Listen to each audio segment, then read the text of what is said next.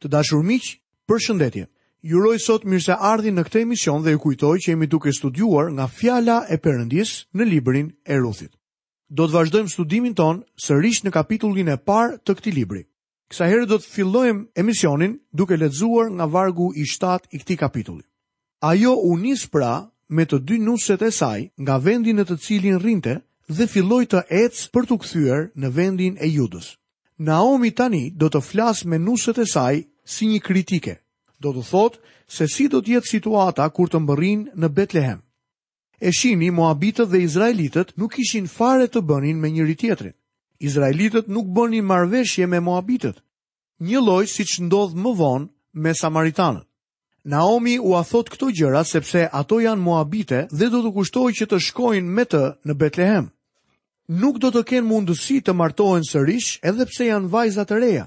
Kjo donte të thoshte vejëri e përjetshme dhe varfëri për to në atë vend, sepse ajo e kishte humbur gjithë pasurinë e saj. Lexojmë vargun e 8. Por Naomi u tha dy nuseve të saj, shkoni, kthehuni çdo njëra në shtëpinë e nënës së saj, Zoti qoftë i mirë me ju, ashtu siç ju keni qenë të mira me ata që kanë vdekur edhe me mua. Tani ajo ka një fjalë të mrekullueshme për to. Ato kishin qenë nuse të mira. A dini që është shumë e vështirë për një nënë të mendojë se ndonjë vajzë mund të jetë e denjë për djalin e saj? Por ja, ja ku është një nënë që mund t'u thoshte këtyre vajzave të huaja që kishin qenë gra të mira. Por megjithatë, ajo i inkurajon nuset e saj të kthehen në shtëpinë e prindërve të tyre dhe të mos e ndjekin sepse kjo do të kushtonte shumë. Ajo thotë, lexojmë nga vargu i nëntë. Zoti ju bëftë të gjeni qetësi çdo njëra në shtëpinë e burrit të saj. Pastaj ajo i puthi dhe ato filluan të qajnë me zë të lartë. Kjo është një skenë tipike femërore. Naomi u thotë se nëse qëndrojnë në vendin e Moabit, mund të martohen sërish midis njerëzve të tyre, por nëse largohen së bashku me të, nuk do të kenë shans për t'u martuar përsëri. Ja ku shohim dy gra në një udhëkryq në vendin e Moabit.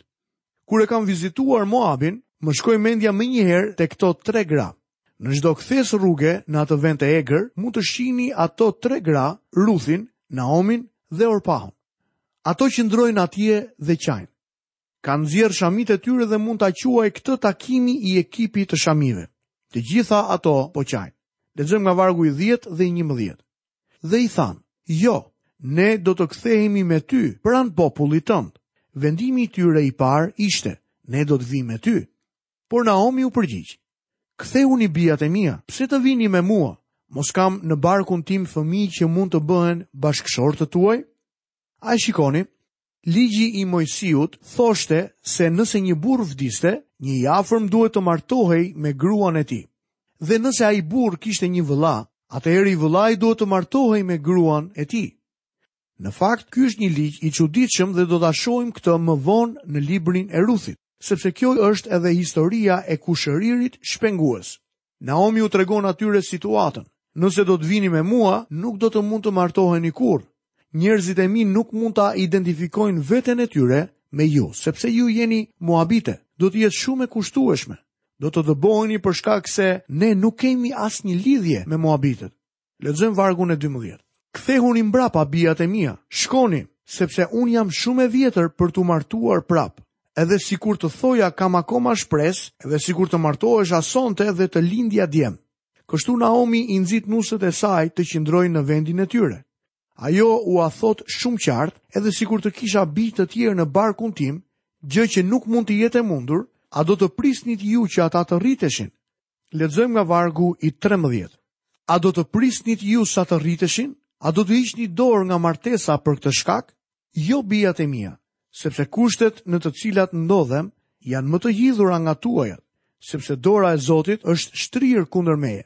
Ju e shihni, Perëndia e kishte gjykuar familjen e Naomit dhe ajo u thotë nuseve që duhet ta mbartin këtë barrë.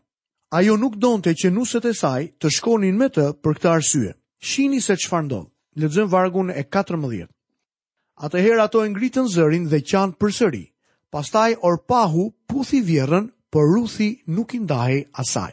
Tani mbërrim tek ndarja e rrugëve.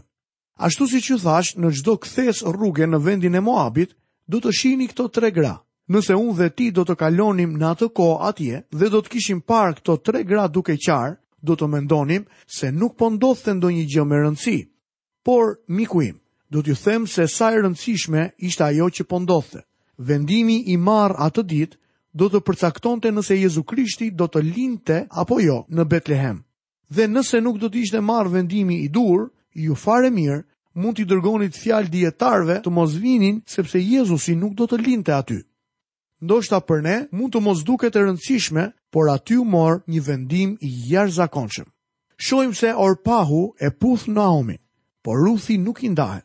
Orpahu u kthye mbrapsht, bëri ashtu siç i tha e vjerra e saj Naomi. Lexojmë vargun e 15. Atëherë Naomi i tha Ruthit, Ja, kunata jote u kthye tek populli i vet dhe tek perënditë e saj. Kthehu mbrapa edhe ti, ashtu siç kunata jote. Orpahu vendosi të kthehet mbrapsht. Vendimi i saj për Zotin nuk ishte i drejtë. Ajo kthehet sërish në idhytari. Ndërkohë që kthehet në vendin e saj, ajo del nga faqet e shkrimit dhe lihet në harresë. Nuk dëgjojmë më për të.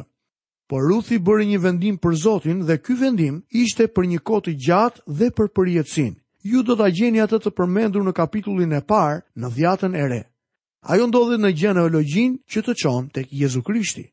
Naomi dëshiron ta testojë atë për të parë nëse me të vërtetë Ruthi është e sinqertë apo jo. Ajo i thotë të kthehet mbrapa tek perënditë e saj bashkë me kunatën e saj. Lexojmë vargun 16. Por Ruthi u përgjigj: Mos ngul këmbë me mua që unë të të braktis dhe të mos të të ndjek më, sepse kudo që të shkosh ti, do të shkoj edhe unë, dhe kudo që të rrish ti, do të rri edhe unë. Populli yt do të jetë populli im, Perëndia yt do të jetë edhe Perëndia im. Ajo mori një vendim të rëndësishëm. Ky ishte një vendim i shtatëfishtë dhe një vendim për Zotin. Besoj se ky është një pendim i sinqertë, miq. Ky është lloji i pendimit që ka kuptim. Pikërisht kjo na thuhet në Dhjatën e Re, tek letra e dy drejtuar Korintasve kapitulli 7 dhe vargu i 10, ku Pali shkruan. Trishtimi sipas Perëndisë, në fakt, sjell pendim për shpëtim, për të cilin njeriut nuk i vjen keq, por trishtimi i botës shkakton vdekje. Ruthi mori këtë vendim. Ajo vazhdoi përpara. Lexojmë vargun 17. Aty ku do të vdesësh ti, do të vdes edhe unë, dhe atje do të më varrosin. Kështu do të veprojë me mua Zoti, bile edhe më keq. Në rast se veç vdekjes, ndonjë gjë tjetër do të më ndajë prej teje. Ky është vendimi i shtatëfishtë i Ruthit dhe është një vendim me të vërtetë për Zotin. Do të doja ta vinit re këtë, sepse kjo është shumë e rëndësishme në ditët e sotme, kur besimtarët i premtojnë shumë gjëra Zotit, por nuk bëjnë asnjërën prej tyre. Besoj se Perëndia i mban mend premtimet e tua, miku im. Ne sot kemi nevojë që njerëzit të marrin vendime të vërteta për Zotin. Vendimi i Ruthit ishte i tillë. Së pari, Ruthi tha, kudo që të shkosh ti, do të shkoj edhe unë. Me fjalë të tjera, ajo po i thotë Naomit, vendosa të vij me ty dhe do të vij. Nuk po e përdor këtë thjesht si një pasaport për të hyrë në Palestinë. Faza e dytë e vendimit të saj ishte, kudo që të rrish ti, do të rri edhe unë. Me fjalë të tjera, ajo jo vetëm që do të shkonte me Naomin, por do ta identifikonte veten e saj me të. Ajo do të thoshte, unë e pranoj varfërinë time. Ajo vazhdon të ketë të njëjtin emër që pati kur u martua me djalin e Naomit, Rezeart. Ajo do të ngjitet pas saj. Deklarata e saj e tretë. Populli yt do të jetë populli im. Unë po braktis njerëzit e mi, idhujtarinë dhe po identifikohem me njerëzit e Zotit. Ti nuk mund të marrësh një vendim për Zotin për aq kohë sa nuk identifikohesh me njerëzit e tij, me popullin e tij, me kishën e tij. Ishte e pamundur të ndodhte ndryshe. Dhe Ruthi e dinte këtë. Ajo tha, ti më the që do të jem një e dëbuar, në rregull, dhe do të jem një e tillë. Por populli yt do të jetë populli im. Deklarata e katërt. Perëndia yt Perëndia im. Tani unë mund t'ju shpjegoj se pse kjo vajzë, Ruthi, vendosi të martohej me atë djalë shëndetlig që kishte ardhur në lagjen e saj nga shtëpia e bukës dhe e lavdërimit në tokën e premtuar. Mendoj se arsyeja është e qartë. Për herë të parë, ajo dëgjoi për Zotin e gjallë dhe të vërtetë. Ajo takoi një familje që e njihte Zotin e gjallë dhe të vërtetë dhe hyri në atë familje sepse donte ta njihte Perëndinë. Ruthi tha, Perëndia yt do të jetë Perëndia im. Çfarë vendimi i mrekullueshëm! Dhe jo vetëm kaq, por aty ku do të vdesësh ti, do të vdes edhe unë. Kjo ishte shumë më kuptimplote për Ruthin sesa mund të jetë për mua dhe për ty sot. Ajo çfarë po thotë është kjo. Shpresa e Izraelit është shpresa ime.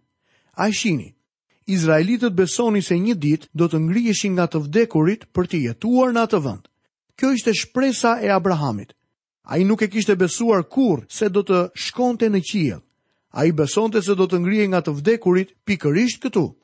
Kjo ishte dhe arsyeja pse Abrahami bleu shpellën e Makpelahut, ku u varrosën ai dhe gruaja e tij, Sara. Isaku kishte të njëjtën shpresë. Madje edhe Jakobi plak, që vdiq në vendin e Egjiptit, tha se donte të varrosej atje ku ishin varrosur etërit e tij. Kjo ndodhi për shkak se ata besonin në shpresën e ringjalljes së të vdekurve. Ata po prisnin qytetin që ka themelet, mjeshtër dhe ndërtues i të cilit është Perëndia, i cili do të jetë i vërtetë ndonjë ditë në këtë kohë. Kjo ishte shpresa e dhjatës së vjetër. Kur Zoti Jezus u tha dishepujve të tij në dhomën e sipërme, unë po shkoj t'ju pregatis një vend. Larg nga kjo tokë, kjo ishte diçka e re për ta. Premtimi i Perëndisë për Abrahamin ishte t'i jepte atij një shtëpi të përjetshme mbi këtë tokë, dhe Ruthi tha se do të vdiste jo vetëm atje ku do të vdiste Naomi, por se edhe do të varrosej atje ku do të varrosej ajo. A e shikoni, shpresa e saj ishte në atë vend ashtu siç shpresa e Abrahamit, Isakut dhe Jakobit. Ajo kishte shpresën e dhjatës së vjetër. Pjesa e shtatë e vendimit të saj është kjo. Kështu të veprojë me mua Zoti bile edhe më keq. Në rast se veç vdekjes, ndonjë gjë tjetër do të më ndajë prej teje. Çfarë vendimi? Ajo tha, unë nuk po e bëj këtë për një orë. Unë po e marr këtë vendim për një kohë të gjatë dhe për përjetësinë. Ajo çfarë shohim në Ruthin është pendimi i sinqertë dhe i vërtetë. Në ditët e sotme, dëgjojmë shumë gjëra në lidhje me pendimin dhe nocioni mesatar është se pendimi do të thotë të derdhësh disa pika loti.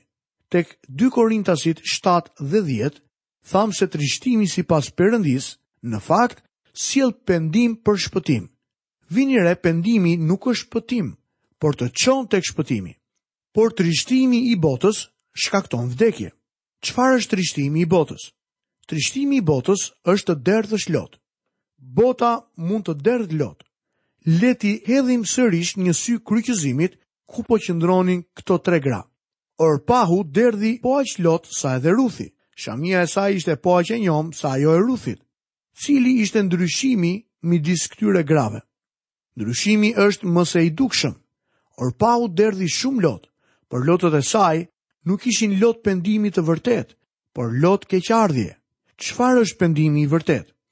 Fjala greke e përdorur në letrën e dytë drejtuar Korintasve vargu i 10 në kapitullin e 7 është fjala metanoia. Ajo do të thotë të ndryshosh mendje. Do të thotë se nëse je duke shkuar në një drejtim të caktuar, të ndryshosh mendje dhe të kthehesh për të shkuar në një drejtim krejt tjetër. Shumë njerëz arrijnë në një pikë ku binden se duhet të ndryshojnë, ose të paktën thonë se duan.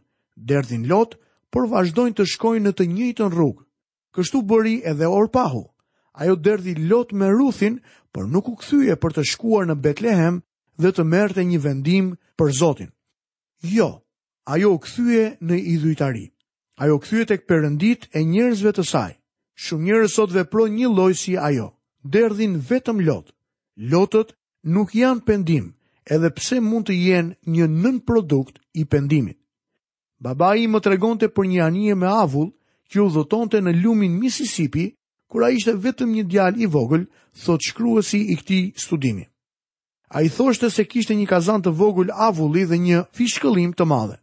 Kur lëvizte kundra rrymës së lumit dhe fillonte t'i binte borisë, zhvendosej sipas rrymës së ujit, sepse nuk kishte avull mjaftueshëm për t'i bërë të dyja gjërat njëherësh. Në ditët e sotme ka shumë njerëz të tillë. Ata kanë një bori të fortë dhe një kazan avulli të vogël. Ata nuk kanë mbërritur kurrë tek njohuria shpëtuese e Krishtit. Ata derdhin shumë lot mbi mëkatet e tyre, i bien borisë dhe janë të ndjeshëm. U pëlqen të japin dëshmi të mbushura plot me emocione, por jetët e tyre nuk janë aty ku duhet. Njoh shumë burra që mund t'i bëjnë njerëzit të qajnë kur ngrihen dhe japin dëshminë e tyre. Zëri u dridhet dhe lot u rrëshkasin nga sytë, por unë nuk do t'i besoja asnjërit prej tyre. Nuk mendoj se ata janë të lindur sërish. Janë vetëm njerëz të emocionuar, janë si Orpahu. Gjatë shërbesës time, kam mësuar t'u besoj më pak lotëve se sa u besoja më parë. Kam zbuluar se këto motra vajtuese mund të derdhin lot, por nuk mund të marrin asnjë vendim. Ndonjëherë një person mund të mos derdhë asnjë pikë loti dhe të bëjë një vendim për Krishtin që është i vërtetë dhe i sinqertë. Më lejoni t'ju bëj një pyetje disi personale. A e keni bërë me të vërtetë vendimin për Krishtin? Apo keni derdhur vetëm disa pika loti? Lotët në të vërtetë janë të pakuptimtë dhe trishtimi i kësaj bote sjell vdekjen. Ky lloj pendimi nuk është i mirë, por askujt nuk ka pse t'i vijë keq për pendimin e sinqertë, sepse ai të çon në shpëtim. dhe ti do të jesh i shpëtuar me të vërtetë, ashtu si Ruthi. Ruthi bëri një vendim të vërtetë për Zotin. Ajo tha, unë do të pranoj varfërinë, unë do të pranoj të qenit e dëbuar, unë gjithashtu do të pranoj faktin se do të mbetem vejushë për gjithë jetën time. Ajo ishte gati të pranonte gjithçka vetëm që të qëndronte për Zotin. Ajo vendosi të shkonte me Naomin në Betlehem. Naomi rrezearta e njihte Ruthin. Lexojmë nga vargu i 18. Kur Naomi e kuptoi që Ruthi ishte e vendosur ta ndiqte, nuk i foli më. Ajo e dinte që kur kjo vajzë merrte një vendim, e kishte me të vërtetë. Ajo do ta ndiqte, kështu që nuk i tha asgjë Ruthit.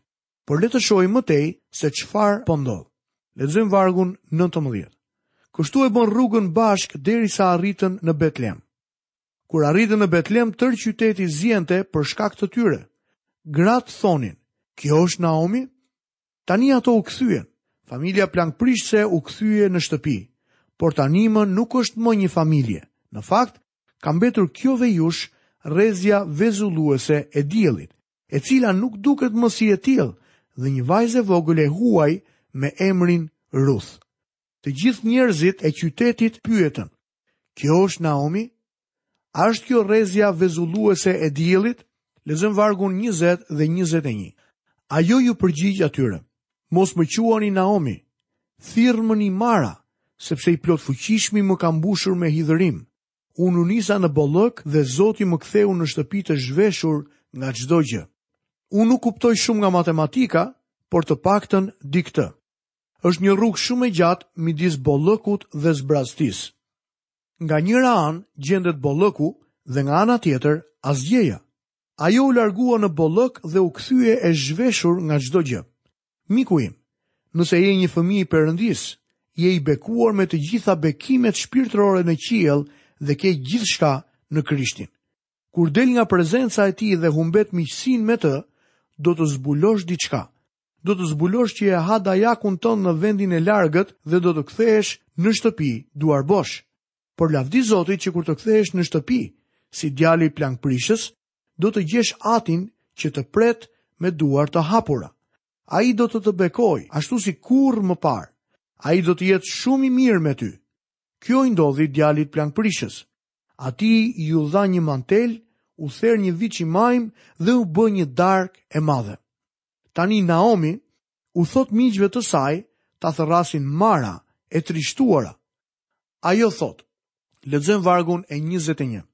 Pse të më quani Naomi, kur Zoti ka dëshmuar kundër meje dhe i plotfuqishmi më ka bërë fatkeqe.